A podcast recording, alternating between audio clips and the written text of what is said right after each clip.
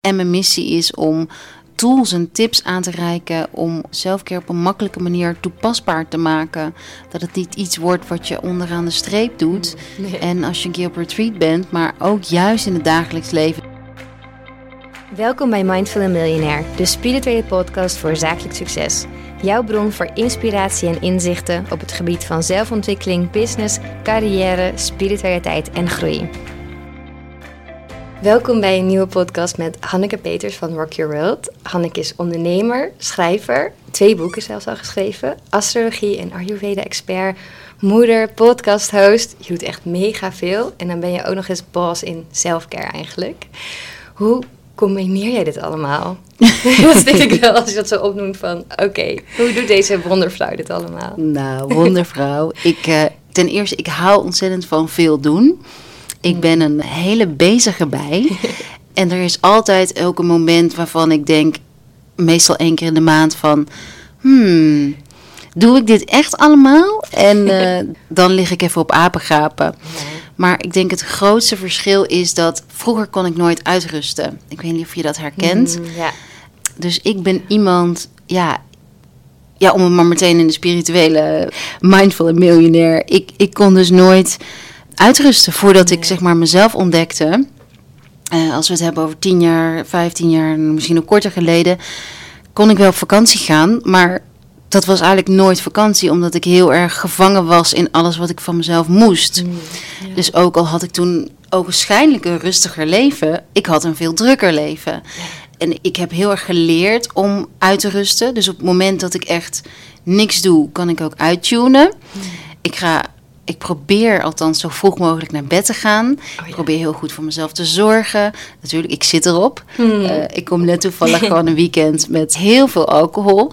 Dat ik voor het eerst sinds, nou, ik weet niet hoeveel tijd weer met vriendinnen en van allerlei gezelligheid heb gevierd. En waarvan ik ook echt merk aan mijn hele systeem. Ben ik ook benieuwd hoe jij dat voelt. Op het moment dat je gevoeliger bent, ja.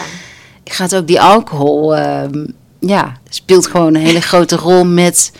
Aan de ene kant is het fijn om alles even los te laten. Mhm, want ja. ik denk dat ondernemen is topsport. En zeker als je een Ja. drive hebt, wil je gewoon. En als je weet hoe goed je je kunt voelen, wil je eigenlijk altijd die helderheid van geest hebben. Ja, klopt. En tegelijkertijd heb ik ook wel geleerd om het zo gezond mogelijk te laten zijn om die remmen los ook te hebben. En heb ik nu natuurlijk de tips en tricks om daarna weer. Ja, ga ik gewoon daarna weer vroeger naar bed. Gezond, heel gezond eten. Maar anyway, om terug te komen op je vraag. ja, ik doe het nooit alles. Nee. Maar ik denk echt dat het, het vinden van voldoening en betekenis in alles in je leven, dat is de allergrootste oplaadbron.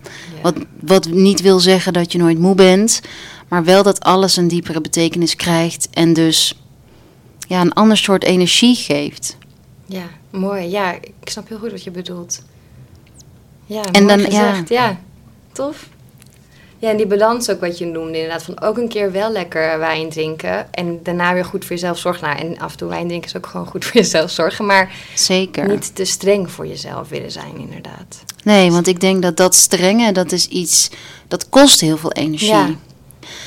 En ik herken het ook op het moment dat ik te streng voor mezelf ben, want ik denk dat dat altijd erin zal blijven Ja. zitten, maar je leert het herkennen. Dan droogt eigenlijk alles op, want dan is er minder plezier. Ja. En dan ga je vanuit, dan worden de dingen die ik doe een moeten. En dan kost het 50 keer zoveel energie. Terwijl, ja, ja, ik ben van nature denk ik echt, en ik denk jij ook, een creator. Ja. En ook daar moet je soms. eh, ik ben net bijvoorbeeld ook. Merk ik dat ik vorige week een paar dagen minder heb gepost. eh, Minder zin had om zichtbaar te zijn op Insta. Ja, Ja. het is altijd de balans. Dat mag ook gewoon dan. Ja. Ja, precies. Niet dan boos zijn op jezelf. Oh, ik heb niet gepost. Nee, en ook niet meer. Ik heb ook een hele tijd. Ik weet niet of je dat, dat, dat herkent. Dat je gaat. Ik ben iemand en jij volgens mij ook die heel erg houdt van cijfers. Ja. Dus ik hou van goals, ik hou van planning, ik hou van, ik hou van meten is, ja, meten is weten. Maar op een gegeven moment als je dus met Insta bijvoorbeeld alleen maar gaat meten Mm, en ja. naar die cijfers gaat kijken, naar de lijst gaat kijken, dan verlies je eigenlijk het hele plezier Ja. erin. En ik ben echt voor een Insta met een purpose, Mhm. maar ja, echt alleen maar obsessief bezig zijn met die cijfers, Nee. dat is zo demotiverend. Ja. Nee, klopt. Ook heel herkenbaar. Dat grappig. En wat, daar ben ik ook benieuwd naar. Waar zit voor jou de verbinding tussen spiritualiteit en business? Want die zit natuurlijk al in jouw business heel erg. Maar voor jou persoonlijk, waar vind je die verbinding? Ja, in alles. Voor mij is spiritualiteit, ja. Ik ben ook zo altijd nieuwsgierig of benieuwd naar. Voor, ik ben in mijn optiek is spiritualiteit gewoon onderdeel van het leven. Ja. En dat zijn niet twee losstaande dingen. Nee. Ja, spiritualiteit is voor mij de voeding van je ziel. En je kunt volgens mij, als je een onbezielde onderneming hebt, kun je misschien financieel succesvol zijn, maar niet, ja, hoe noem je dat? Niet succesvol in je leven. Niet, ik. ja, niet Nee. succesvol. Dus spiritualiteit, ja, dat is er gewoon. Ja. Is dat een antwoord op ja, vraag? zeker. Ja. Heb je het gevoel dat het meer komt bij het ouder worden? Ja. Ja. Ja, ik, ik was hier naartoe aan het lopen, dus ik liep helemaal van de stad naar hier. En ik had namelijk geen OV-chip meer. en ik wist niet hoe het werkte, of je nog in de tram een kaartje kon kopen of iets.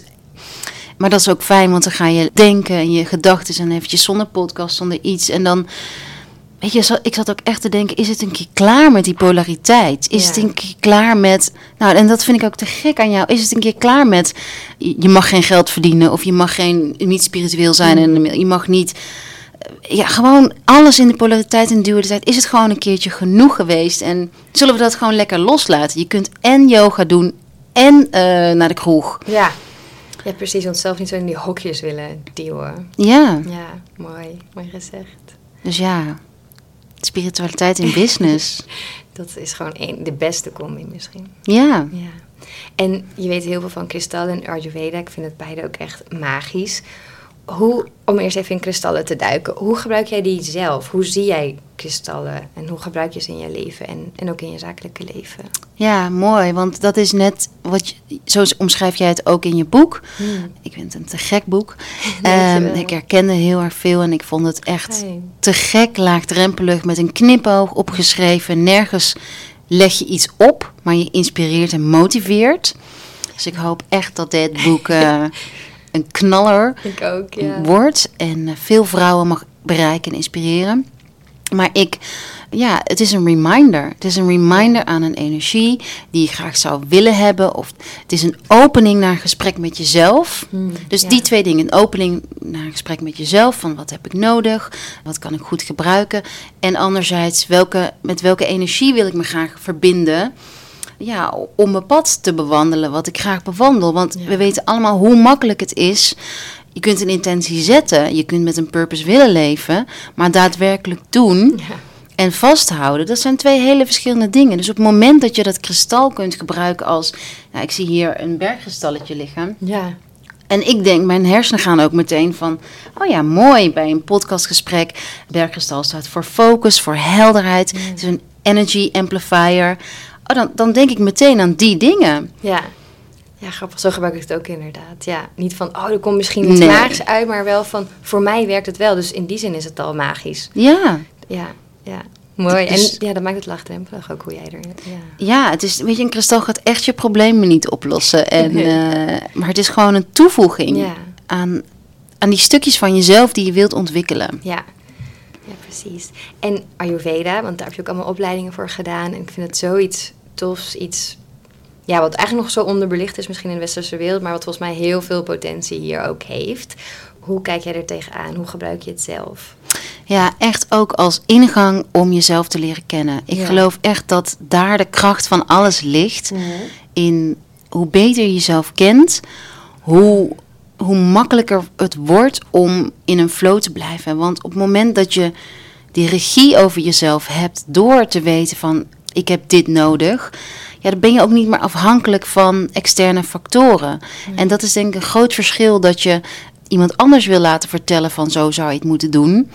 In plaats van dat je zelf denkt van hé, hey, ik heb hoofdpijn, ik ben moe, ik heb een opgeblazen buik. Ik zie het even niet helder meer. Wat kan ik zelf doen Ja, om tot mezelf te komen?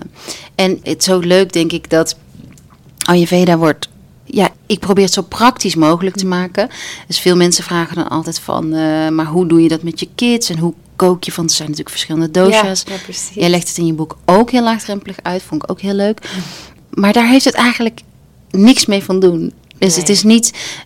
Voor mij is Ay- Ayurvedisch koken bijvoorbeeld ook niet per se alleen maar eten uit India. Dus niet alleen maar curry's of niet alleen maar zwaar. Ik denk juist, al het eten kan Ayurvedisch Ja. zijn. Dus ik, ik, ja, ik probeer het zo breed mogelijk te maken, laat ik zo zeggen. En, en ik vind vooral de psychologie erachter. Dus dan dat je emoties en hoe je je voelt, dat voeding daar zo'n grote rol in speelt. En niet alleen voeding, maar ook hoe je beweegt, welke activiteiten je op een dag doet. Dat je dat zelf kunt beïnvloeden door daar rekening mee te houden. Nou, dat vind ik echt iets magisch. Ja. Inderdaad, dat vond ik ook zo'n eye-opener. Gewoon toen ik dat een jaar geleden las van... oh ja, je vertering en je voeding... dat vergeten we vaak hoe belangrijk dat is. Maar het is eigenlijk zo logisch. Maar Ja. nu denk je snel... oh ja, je denkt aan energie... maar het is zoveel meer wat je voeding allemaal doet. En inderdaad de hele filosofie erachter. Wat heb jij over jezelf geleerd daardoor... dat je echt denkt... oh ja, dat waren wel inzichten die ik heb opgedaan daardoor. Ja, Als ik dan mag vragen. ja tuurlijk. Ja, ja, ik wou bijna zeggen, wat heb ik niet geleerd? Ja, ik ben echt Ja. een ontzettende pitta, net als jij. Maar echt in het extreme, denk ik bijna. Ja. Of in het extreme in die zin. Ja, ja, dus dat heb ik heel erg van mezelf geleerd. En dat ik dat ook mag zijn. Dus Mhm. ik ben, ik geloof echt dat ik hier ben voor een leiderschapsrol. Ja. En tegelijkertijd is dat mijn grootste struggle. Want dat betekent dat ik mezelf volledig mag accepteren voor wie ik ben. En juist dat is hetgene waar ik heel erg. waar mijn levenspad een struggle is. Omdat ik niet altijd hier op aarde veilig heb gevoeld. Dus ik heb me een beetje vreemde eend in de bijt gevoeld. En dat heb ik geleerd dat dat ook te maken heeft met de verwachtingen die je zelf oplegt. Dus de verwachtingen die ik mezelf opleg. En die hele onveilig gevoel ja, dat dat verschillende invloeden van buitenaf zijn en van binnenaf.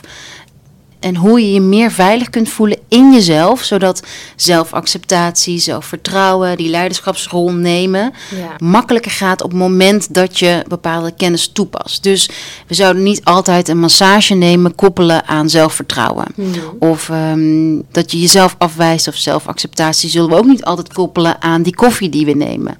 En toch heeft het allemaal met elkaar te maken. En ik denk dat dat beseffen, dat alles dus zo Ja. met elkaar verbonden is. En niet alleen dat, maar ook nog met, om nog een stapje verder te nemen, met hoe onze moeder voor zichzelf zorgde. Ja, die, dat is echt een verrijking in mijn leven geweest. Ja. ja, mooi, maar dat is wel wat het doet inderdaad. Dat je dat ziet hoe alles verbonden is, maar dat je dus wel op heel veel invloed hebt. Ja, Want gun je jezelf die massage of die koffie of juist niet. En neem je Ja. Ja, mooi. Denk je dat pitta, is dat goed voor ondernemers? Veel pitta? Ja anders zouden ze niet eh, nooit. eh, Nee, heb je wel nodig, denk je hebt ik. echt dat nodig. Ja. Kijk, en leiderschapskwaliteiten, dat zien we natuurlijk heel vaak als dat je manager bent. Ja. Of, maar dat hoeft niet altijd zo te zijn. Ik denk, als ondernemer maak je al de beslissingen zelf. Mhm. En natuurlijk, er staat iemand aan je zijde. Je hebt verschillende mensen met wie je kan praten om advies in te winnen. Maar uiteindelijk moet je zelf de leiding nemen over je keuzes. En de verantwoordelijkheid ook durven en het risico durven nemen. en dat is iets tegelijkertijd wat ook zwaar kan voelen. En waarbij je helderheid en focus nodig he- hebt. Ja. En dat is de mooie verfijning van Ayurveda. Want helderheid is een van de kwaliteiten van Pitta. Mhm. Ja, en Ja. weet je, wat ook belangrijk is om te merken is... je hebt alle andere dosha's ook nodig. Ja, Dus bijvoorbeeld mijn vata-kwaliteiten helpen me te herkennen wat er speelt in de maatschappij. Dus dat fijngevoelige aan te voelen, Ja. maar er speelt dit. Hoe kan ik daarop inspelen? En mijn kaffa, die ik soms iets te weinig heb, maar waarbij ik, ja, die wel meespeelt, is wel het verzorgende en het wel het op aarde kunnen zetten. ja. Ja, mooi. En anders Dus- komt dan weer terug inderdaad in wat je doet. Want selfcare als persoon, maar helemaal als ondernemer, is soms best lastig. Ja, En ja, daar doet Rock Your World wel toffe dingen mee. Ik vind sowieso is het elke dag een reminder dat ik denk... oh ja, selfcare, het is een hele business. Dus ik mag er ook gewoon een momentje mee nemen. Dus echt complimenten daarvoor. Maar hoe doe je dat zelf? Hoe zorg jij ja, met al die rollen... hoe doe je nog aan selfcare? Nou, ik, eh gisteren bijvoorbeeld heb ik een werkdag. En, eh, maar dan ga ik ook rustig midden op de werkdag in bad een meditatie doen. Ja. Ik moet wel zeggen, ben ik ook benieuwd hoe jij daarover denkt. ik, ik had altijd een beeld van mezelf dat ik een heel groot eigen kantoor wilde. Hmm. Ik zag dat al helemaal voor me in, in nou ja, als we het hebben over leiderschap of over ja, een visualisatie de hele tijd van een kantoorleven. Ja. En, en daar struggle ik wel eens mee. Want ik vind het ook zo lekker om op maandag, had ik gisteren nog zo'n dag te hebben, dat je dus die meditatie Ja. pakt, de was doet, die lunch thuis maakt. Dus ja. voor jezelf zorgen, ja, dat is iets waar ik mezelf in getraind heb. Ja, dat zou ook gewoon een vak op school moeten zijn. Ja, Ja. denk ik. Maar zo waar, ik, die combi is gewoon heel fijn. Kantoorleven ook fijn, maar ook gewoon thuiswerken. Dat is denk ik misschien wel het voordeel van corona. Ja. Dat iedereen dat nu wel meer gewend is. En dan is het gewoon makkelijker voor jezelf te zorgen. Ja, Ja. Want vertel even over Rock Your World. Jullie Ja. doen heel veel dingen. Je hebt producten ontwikkeld, retreats, workshops. Oh ja, astrologie komt er ook nog bij. Kristallen, selfcare. Hoe is het allemaal ontstaan? En wat zijn nog je dromen hiervoor? Waar gaat het naartoe? Wat is je, ja, wat is je missie? Ja, mooi. Mooi dat je het zegt. Nou, het is ontstaan uit mijn... ehm, ik was zelf heel erg zoekende, eh, zes, zeven jaar geleden. Vanuit mijn scheiding, de vader van mijn oudste kind... ehm, merkte ik gewoon dat ik een bepaalde intimiteit miste bij mezelf. Hmm. Dus de verbinding met mezelf was gewoon ver te zoeken. Waardoor ik eigenlijk steeds op zoek was naar prikkels buiten mezelf. En dat kon zijn, ik had eh, toen een lunchroom. Een van de eerste lunchrooms met vegan en glutenvrij aanbod in Amsterdam. Maar ik was continu eigenlijk op zoek naar een reden om ongelukkig te zijn. Althans, zo voelde het een beetje. Want het was nooit, ehm, de zaak was niet groot genoeg en ik wilde daarmee uitbreiden. breiden. De, mijn relatie was niet goed genoeg. Ik voelde me geen goed genoegen moeder. Anyway, ik was eigenlijk altijd op zoek naar, ja, naar iets. Naar iets Ja. om, om als reden om niet gewoon in het hier en nu te zijn. Nou, dat verrat zo op me op een gegeven moment dat ik op een gegeven moment dacht van nu is het klaar. Nu ga ik voor mezelf zorgen, want ik wil gewoon mijn zoon. De moeder zijn voor mijn zoon die ik wil zijn. Ja. Dus, en ik had nog nooit in de jaren daarvoor erover nagedacht om op zoek te gaan wie ik eigenlijk was. Nee. Toen ben ik dat gaan doen. En nou, dat was zo. Ik weet nog goed dat ik de eerste herkenning had in thuiskomen bij mezelf. Door juist stilte op te zoeken, op retreat te gaan op Bali. En dat bijzondere gevoel van ja, een stukje weer houvast in jezelf, vertrouwen in jezelf en de ultieme rust. Ja. En eh, toen kwam ik thuis, weer terug in Nederland. Toen wilde ik dat heel graag gaan vergroten. En ook aan andere vrouwen gaan leren van... Wow, ik heb al die jaren gezocht naar iets. En door gewoon de stilte op te zoeken en van huis te gaan en de prikkels te elimineren... heb ik een stukje van mezelf teruggevonden. Wat ik al 35 jaar gewoon niet had. Ik weet, ik weet niet of je dat herkent van 35 jaar zoekende zijn naar iets. Waarschijnlijk naar jezelf. ja, precies. Ja, en eh, vanuit daar eh, ben ik boeken gaan lezen, Deepak Chopra, maar ook ehm Marijke de Waal, een boek, ik weet niet of je haar kent, over energiemanagement, over voeding. Voeding had altijd al mijn interesse, maar vanuit een, ja, vanuit een noodkreet eigenlijk om en goed te voelen en af te vallen en allerlei, eh, ook in eten prikkels te hebben. En Ayurveda kwam daarbij al een paar keer op mijn pad. Ik had een paar workshops al gevolgd bij Delight. En Delight Yoga in Amsterdam. En toen was het zomervakantie. En toen had ik het over met mijn nieuwe vriend Clint. En eh, die zei van, nou ga ervoor. Ga die opleiding doen. Ja. Toen ben ik dat gaan doen. En ja, dat, dat jaar nog een opleiding gedaan. En toen zoveel ontdekt over mezelf. En zo mooi. En ik moest in het eerste jaar meteen een aantal vrouwen behandelen. Dat was gewoon het huiswerk. Want je doet het Ja. meeste ervaring op in de praktijk. En bij al die vrouwen zag ik dat hetzelfde aan de hand was. En gewoon zichzelf kwijtgeraakt. En Ja. hun kompas kwijtgeraakt. En gewoon heel graag iemand ja, zoeken die hun de weg wijst maar zelf gewoon de weg niet meer weten. En toen dacht ik, oh, ik wil zo graag die vrouwen helpen hun weg naar huis weer terug te vinden, beter voor zichzelf te leren zorgen, zodat ze alle, nou, alles kunnen doen wat ze graag willen doen. En daar zag ik ook een heleboel dualiteit in goed en fout. Dus we wisten bijvoorbeeld wel dat yoga goed was, meditatie, maar doen Ja. werd een dingetje en dan jezelf afstraffen. Dus ik wilde heel graag iets brengen wat gewoon mooi is en waarvoor je niks hoeft te doen. Nee. Nou, kristal hoef je niks voor te doen. Een spray hoef je niks voor te doen. Dus ehm, we zijn die essentiële oliën gaan uitbreiden en gaan eh, ook tijdens mijn opleiding tot Ayurveda werden essentiële oliën heel vaak gebruikt als manier om de dosha's te balanceren, dus die verschillende types te balanceren. En om dat stukje natuur, wat we soms kwijt zijn geraakt, terug in ons leven te brengen. Ja. En hoe fijn dat je dat in een kantoor, door het gebruik van etherische olie, wat in Ayurveda de life force, de prana van een plant, die je inademt en die op jou een effect heeft. En dat vond ik zo'n magisch mooi principe. En dat ik dat ben gaan uitbreiden. Dus toen kwamen de, de essentiële oliesprays, de geuren, eh, kristallen, kristallen boeken. En ik had eigenlijk al heel snel retreat wens inderdaad. Dus toen kwam het eerste retreat. De podcast was eigenlijk ook een heel logisch gevolg. En ik had heel erg de droom om een eigen store te hebben. Dus een mooie store in Amsterdam, een grote store. Met ook een mooie workshopruimte. En eigenlijk was ik die net, net meer vorm aan het krijgen. En toen kwam corona. En toen is dat hele plan ook weggevaagd. En ik moet ook, ook zeggen, even helemaal terug naar het begin, dat dat ook wel een initieel plan was om een fysieke plek te Ja. hebben, een grote retreatlocatie. En ja, pas geleden, eigenlijk deze week, is dat die missie, dat gevoel van, oh, een fysieke locatie, die is weer teruggekomen. Dus door corona zijn we eigenlijk ook meer online workshops gaan doen en ben ik dat ook eigenlijk heel erg gaan ontwikkelen. En nu voel ik weer dat ik weer een stukje terug wil naar ja, die fysieke iets. Ja. Mooi. En mijn missie, ja, missie is om tools en tips aan te reiken om zelfcare op een makkelijke manier toepasbaar te maken. Dat het niet iets wordt wat je onderaan de streep doet. nee. En als je een keer op retreat bent, maar ook juist in het dagelijks leven door op de wc even niet je telefoon erbij te pakken of door een keer je telefoon thuis te laten. Ik heb het nu op telefoon, maar eigenlijk gewoon een, je blik te verhelderen, je perspectief te verhelpen over wat zelfcare, hoe zelfcare bijdraagt aan het behalen van je doelen. Ja. Ja, en want nu wordt het soms een doel op zich, maar Ja. het is natuurlijk iets om, ja, het is helemaal zo'n cirkel. eh, Ja, en soms staat het maar op to-do-lijst, wat ook moet hoor, maar we moeten wel weten waarom we het ook alweer doen. Niet Ja. dat het een moetje is, maar wat we ons er zo goed door voelen. ja, Ja, en met Rock Your World, want ik merk best wel eens bij mensen die een bedrijf hebben, die raakt aan het spirituele, dat het soms best lastig is aan de ene kant hoe je het nou brandt, maar ook dat mix met commercie. Nou, je, je weet Ja. hoe ik over denk, denk ik, maar hoe ben jij daarmee omgegaan? Heb je dus kritiek gekregen? Vond je het soms lastig om dat te combineren? heel mooie vraag. Ja. Leuk.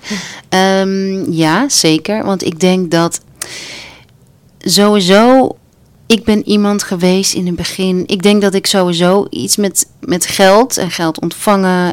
Dat is voor mij iets wat nooit een prioriteit is geweest eigenlijk. Dus ik had heel erg altijd het gevoel dat ik dat het niet uit zou maken. Want ik wilde gewoon iets brengen. Maar Ja. zo werkt het natuurlijk helemaal niet. En ik weet nog dat ik, dat ik na een jaar één of na een jaar anderhalf een berichtje kreeg van iemand van ja, ik heb me net uitgeschreven voor je nieuwsbrief, want ik, ik vond dat je nogal commercieel geworden was. En dat was voor mij ook een hele eye-opener, Ja. dat ik dacht van oké, ja, ik ben hier niet alleen maar om alleen maar Nee. iets te brengen. Het is niet, ik kan niet bestaan Nee. zonder, Gratis. ja, Ja. En, en dat is voor mij ook echt een proces geweest in de balans. En dat is nog, nog steeds, en dat ben ik nu weer aan het aanscherpen. In de balans tussen, ja, wat, wat geef je? Wat, Ja. wat heeft een prijs? Wat he- hoe werkt dat in energie? En ja, dat is het meest interessante proces, denk ik, die je kunt hebben. En ja, voor mij zit hem nou juist de grootste groei in die commercialiteit. Ja. Want het mooie is, het gaat uiteindelijk helemaal niet om mij. Het gaat, Nee. Mijn missie is zoveel mogelijk vrouwen te bereiken. Ik kan geen vrouwen bereiken als er geen commercieel verdienmodel Nee, aan precies. zit. Nee. Ik kan niet een vrouw helpen die ook niet geholpen wilt worden. En het is ook heel vaak dat eh, voor jezelf iets kopen, Mhm. iets aanschaffen, dat is ook een teken van ja, energieuitwisseling. En ik wil dit Ja, echt, ik ga ervoor. Ja. En ja, dus nu ben ik de lol erin gaan zien. Ja. Maar dat is wel iets. Ik weet nog, ik hou heel erg van Annemarie van Gaal. En ik weet nog dat ik een boek van haar las. En dat ze zei: Ja, je zou 70 of 80 procent van je dag met sales bezig moeten zijn. Oh ja, wow. Dat is me altijd bijgebleven. En, en toch is het pas de laatste weken, maanden, denk ik, dat ik meer met sales bezig ben. En dat het natuurlijker wordt dat ik in mijn kracht. Het is in, ondertussen door, door, door alle commotie vorige week. Door het ene filmpje natuurlijk in je kracht staan. Een beetje Oh ja. opgeblazen. Maar toch, ja, ja, ik vind het nu het meest interessante van. En ik ben er gewoon de lol ervan in gaan zien. Hoe kan ik nou die schaalvergroting Ja. doen? Want ik wil niet in een. Ja, ik wil en vanuit bezieling en vanuit eh, intuïtief ondernemen. Maar die cijfers zijn net zo belangrijk. Ja, Dus daar een weg in vinden. ja. Ja, inderdaad, intuïtie en het vrouwelijke en het geven, dat is allemaal heel mooi. Maar ja, een business bestaat niet zonder die andere kant, Nee. eigenlijk. Nee, en, en ik ben ook heel erg aan het nadenken. Want dat branden. Want ik wil heel graag meer vrouwen bereiken. En ik merk dat daarin de woorden die je gebruikt soms zo ontzettend belangrijk zijn. En als je van. Kijk, soms vergeet ik waar ik zelf vandaan kom. En dat die woorden eh, twintig jaar, of nou ja, nee, vijf jaar, zes jaar geleden niet eens. Ook niet bij mij beklijfden. Oh dus ja, als ja. iemand me toen vertelde over innerlijk kind of over. ik weet niet wat het iemand over familieopstellingen. Dat ik echt denk, waar heb je Wat het is over? dit? Ja. Dus nu zie ik het ook echt als uitdaging. Welke woorden kan ik gebruiken, zodat ik ook een, dat, ja, dat ik meer vrouwen kan aanspreken. Ik vind dan trouwens Rock Your World wel echt een geweldige naam.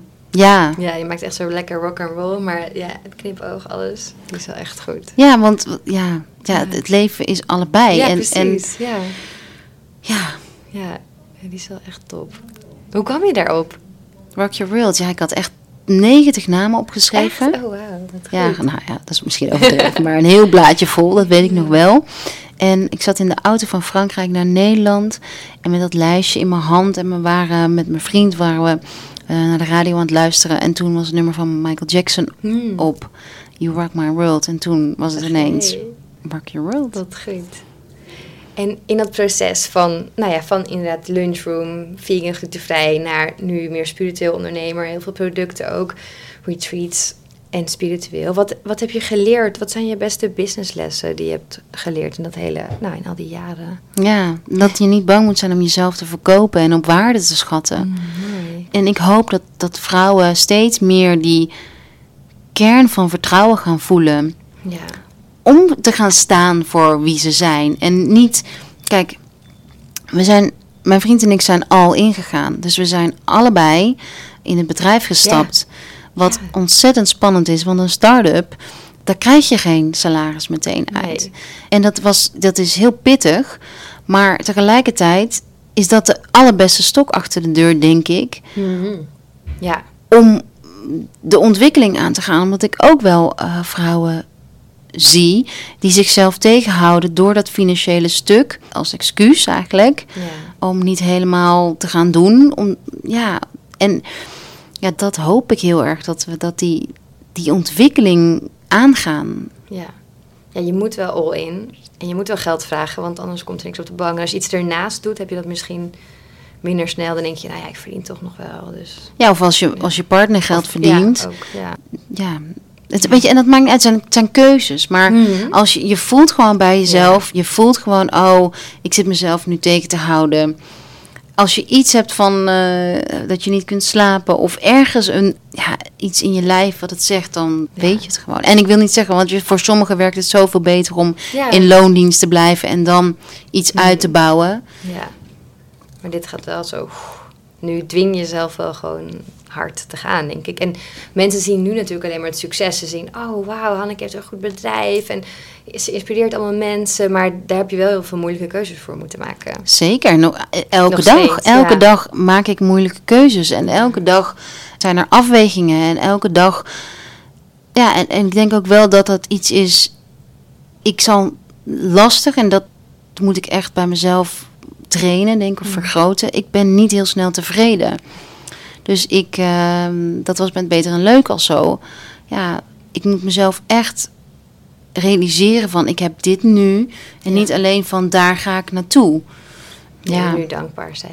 nu dankbaar Genieten. zijn, genieten en, en al die andere stappen. Ja. Ja, en ik denk, je vraagt was advies voor anderen, toch? Tip? Ja, of wat ben wat, ik? wat je hebt geleerd voor lessen. Ja, niet bang zijn om te falen en niet Mm. bang zijn om nee te horen. Ja. En dat, oh eh, ja, vooral voor vrouwen is dat volgens mij moeilijk. Ja, weet je hoe vaak ik eh, in het begin, en dat had ik bij Beter en Leuk ook.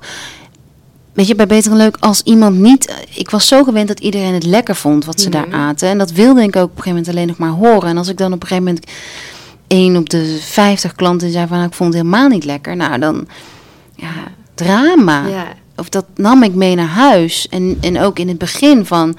Kijk, in het begin kon ik zelf elke kristal ging ik aanraken. Voordat Mhm. die verzonden werd, ging ik zelf wassen. Ging ik met- in de doos met een intentie stoppen. Ja.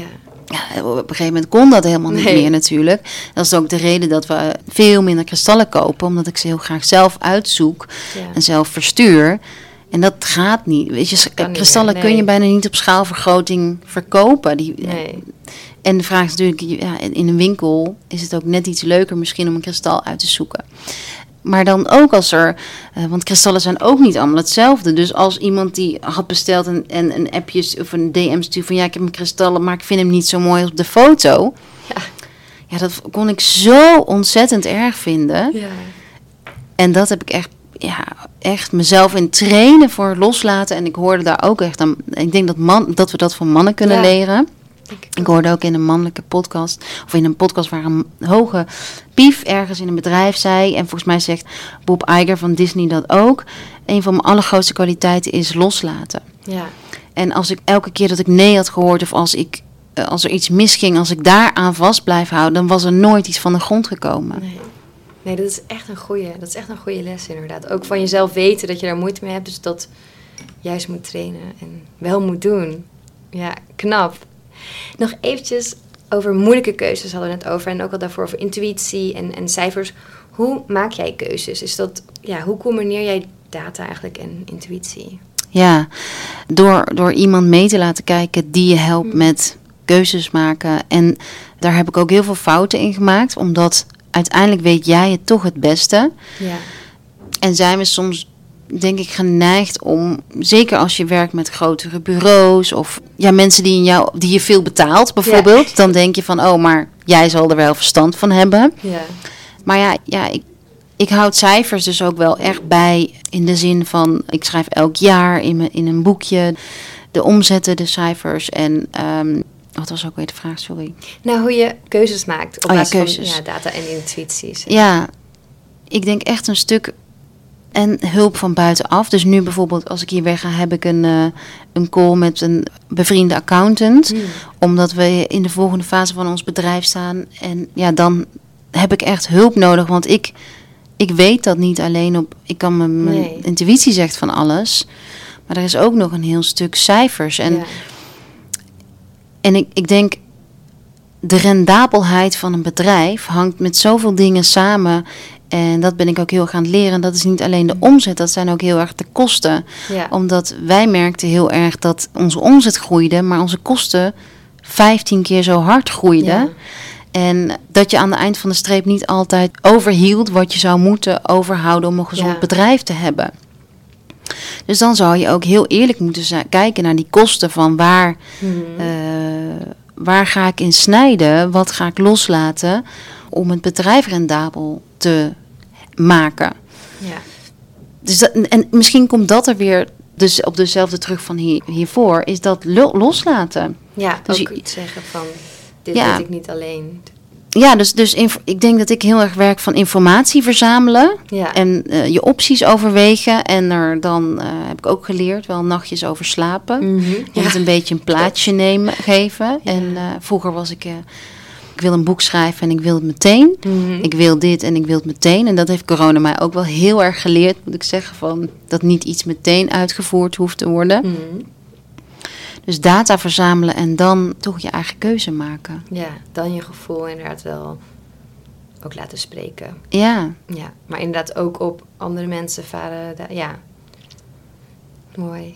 ja. Ja, En het blijft een, daar- rocky road, Ja. denk ik. ja precies. gewoon de rocky road naar succes. Er is no, no overnight succes. Nee, nee, inderdaad. Nee, dat zien mensen vaak niet. En, en bijvoorbeeld nu hadden we, eh is ook wel leuk, we hadden eh, een nieuw product. En Misschien als de podcast uitkomt, is dat er al. En dat hebben we in, eh, al een tijd geleden bedacht. En ook een tijd geleden besteld en laten maken. En alle investeringskosten. En toen kwam corona. En toen was de fabriek, waren alle fabrieken in India gesloten. Wat eng, wat bizar. Ja, dan is het even de vraag Ja. van, oh my god, En onze, onze launch, de cashflow, alles is dan in vragen. En dan is het ook, wat ik ook heel erg merk, hoe snel je dan ook eh, meer in angst kan komen. Of meer in, dat het eigenlijk nog meer van je vraagt om die balans te houden en die selfcare te houden. Om niet, ja, de, Ja. de uitdagingen die je tegenkomt de overhand te laten nemen. Ja, oh, dat is wel heel spannend, zulke tijden. Maar je wordt je ook wel sterk door, maar... Als het goed is, komt hij Ja. vandaag aan. Spannend. Het is een tongschaper. Oh, cool. Oh, dat is echt mijn lievelingsitem I know, ik zag het, ik zag het. Dus als die er is, ga ik hem ook... Nou, je hebt hem vast al. Je hebt vast al een koperen eh tongschaper. Maar Leuk. ik ga er gewoon nog eentje. Nee, dank je. Oh, maar wel vet dat je het helemaal zelf hebben laten ontwikkelen. Ja, Mooi, dat lijkt me heel cool aan jullie merk. Dat je alles kan denken, ja, dit vind ik echt tof. En dan... ja, aan ideeën nooit gebrek. En dat is Nee. mijn grootste valkuil, om focus te hebben. En bijvoorbeeld nu, nu wil ik weer terugschalen in die online classes. En ik merk Ja. dat de rek een beetje uit online is. Ik ben ook echt Ja. heel benieuwd wat de toekomst gaat brengen in online educatie. Want ik ben er zelf helemaal Ja. klaar mee. Ja, Ik heb kan geen scherm. energie. Ja, ik wil geen, ik kan geen scherm meer zien. echt, eh, echt mensen die niet in energie geloofden. Sinds corona hoop ik dat ze het nu wel geloven. Want je moet gewoon bij mensen zijn en elkaars energievelden Ja, voelen. dus ik ben echt. eh, ja, en, en dat is natuurlijk ook wel heel. En dat is een heel grappige ontwikkeling. Want in het begin van corona was ik nog een van de eerste die met Instacourse. Ik ben niet een van de eerste, maar toen was Mhm. Instacourse. stond nog zo in de kinderschoenen. Ja. Nou, en die maanden daarna is het aanbod ontploft. Dus ik hoefde in de eerste drie Instacourses die ik lanceerde. En zo is mijn leven altijd wel een beetje gaan. En dat is soms wel heel. Niet altijd goed. Hoefde ik helemaal niks te doen aan marketing. Nee. Want ik had, ik postte het en ik had 100 inschrijvingen. Cool, ja. Maar nu, afgelopen, we leven in juli, merkte ik dat ik moest gaan nadenken hoe ik de marketing ging Ja. doen, omdat die inschrijvingen helemaal niet meer vanzelf kwamen. Nee. Grappig hoe dat werkt dan toch, hè? En dus dan, is, ja, dus dan is het toch nu ook de vraag ja, hoe, hoe dat een toekomst gaat krijgen. Ja. En hoe ik daar dan in, ja, hoe ik mijn kennis daarin, misschien dan toch weer gewoon een boek. Ja. gewoon. In plaats van een Insta-course of... Ja. ehm, Ja, precies. Dus dat is interessant. En dat is nu ook een interessante ontwikkeling, denk ik, voor het bedrijf. Dat ik dan van de online courses de focus weer terugleg Ja. op productontwikkeling. Ja. Mooi, mooi spannende tijd. Ook wordt er zo'n nieuwe tijd hierna, inderdaad. Ja. Ik heb heel veel zin in. Als laatste, wil je nog iets met ons delen? Ja. nou, ik, toen ik hier naartoe liep, kwam ik langs een woonboot. Het is, het is sowieso zo'n geweldige wandeling hier naartoe. Mm. Door de natuur en door, ja, door mooie plekjes. Maar toen ik hier naartoe liep, toen viel mij heel erg een tekst op op een woonboot. En die tekst was Be Big. Be Big. Mooi. En toen dacht ik, ja, laten we allemaal wat groter zijn. Ja. En daarbij ook niet onze zachte kant uit het oog verliezen. Dus be soft, be strong, be big, be you. Mooi. Ben het allebei. Ben Ja. het, ja, Durf je plek ook in te nemen. ja. Mooie afsluiting. Dankjewel. Alsjeblieft. Dank je. Je luisterde naar Mindful Millionaire, de podcast. Ik hoop dat deze episode je nieuwe inzichten, inspiratie en ideeën heeft gegeven. Mocht dat zo zijn, dan ben ik je super dankbaar als je deze podcast deelt, volgt, reviewt of een shout-out geeft op Instagram via Steffi Roos Dumene. Dankjewel en tot snel.